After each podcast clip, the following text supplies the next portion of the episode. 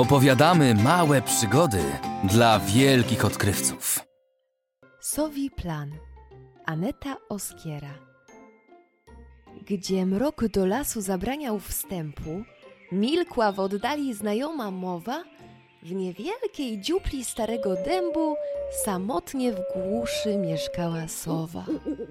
Z mądrości wielkiej słynęła w lesie, godności dumy cóż, nie bez racji, bo dzięki wiedzy, jako wieść niesie, z każdej umiała wyjść sytuacji.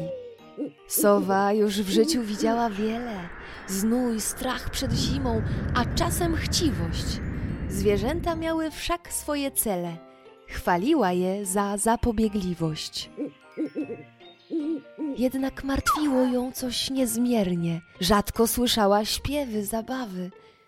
Każdy pracował tylko dla siebie, lecz nie wtrącała się w cudze sprawy. Niespodziewanie przyszła ulewa. Pioruny, wicher, pobojowisko. Huk, nawałnica, złamane drzewa, aż ziemia drżała, trzęsło się wszystko. Gwałtowny żywioł szalał dzień cały. Nie miał litości dla gniazd, nor, dziupli. Wszystkie kryjówki opustoszały. Od biegu zwierząt długo las dudnił. Nasze zapasy, niczego nie ma. Strumienie wody zabrały zbiory. I, I gdzie się schronić? Jak przetrwać zimę? Lamentowały, tak przerażone. Sowa westchnęła, oczy zmrużyła i wiadomości porozsyłała, by na zebranie wnet się stawiła cała brać leśna, sto głów bez mała. Jest na to rada, choć trudno będzie. Perorowała z dębu gałęzi.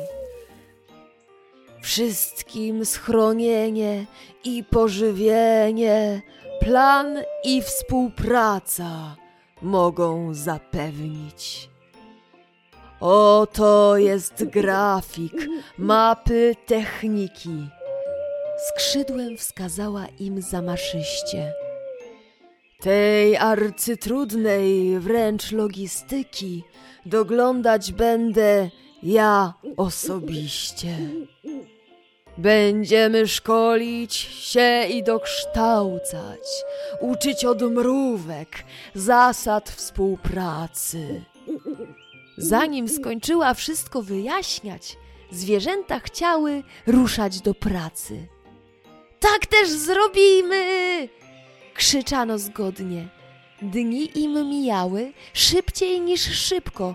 Każdy zajęty swoim zadaniem działał bez lęku, nie drżał o przyszłość.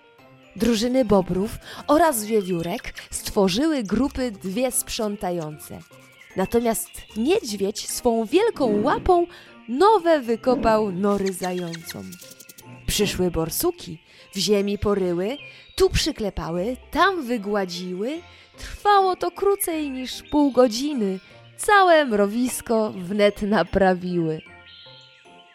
Inne schronienia trzeba ratować? Gniazda dla ptaków, dziuple szczeliny? Już się pracownik dzielny znajdował i dom gotowy był w jednej chwili. A pożywienie? Bez obaw także. Spiżarnie prędko się napełniły. Zwierzęta tak podzieliły pracę, małe szukały, duże nosiły.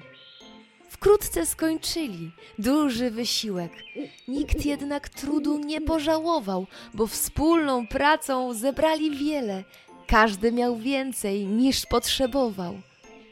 Że okoliczność była szczególna, do świętowania powód niemały, liczy się przecież każda sekunda. Hej, bawmy się! Mrówki zawołały.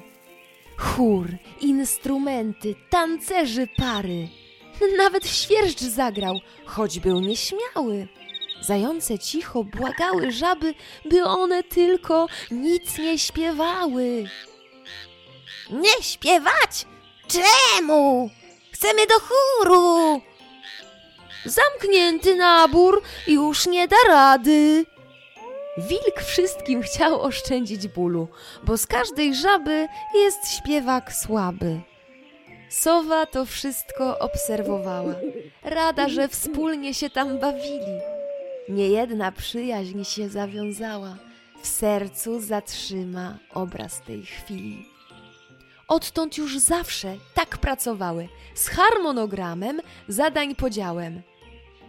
Nikt nie harował, nie skarżył na nic, lecz pracę mądrze dzielił z sąsiadem.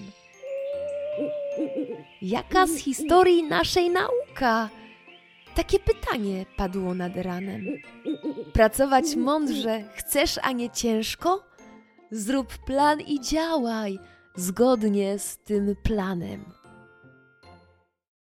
Posłuchaj więcej na www.maławielkaprzygoda.pl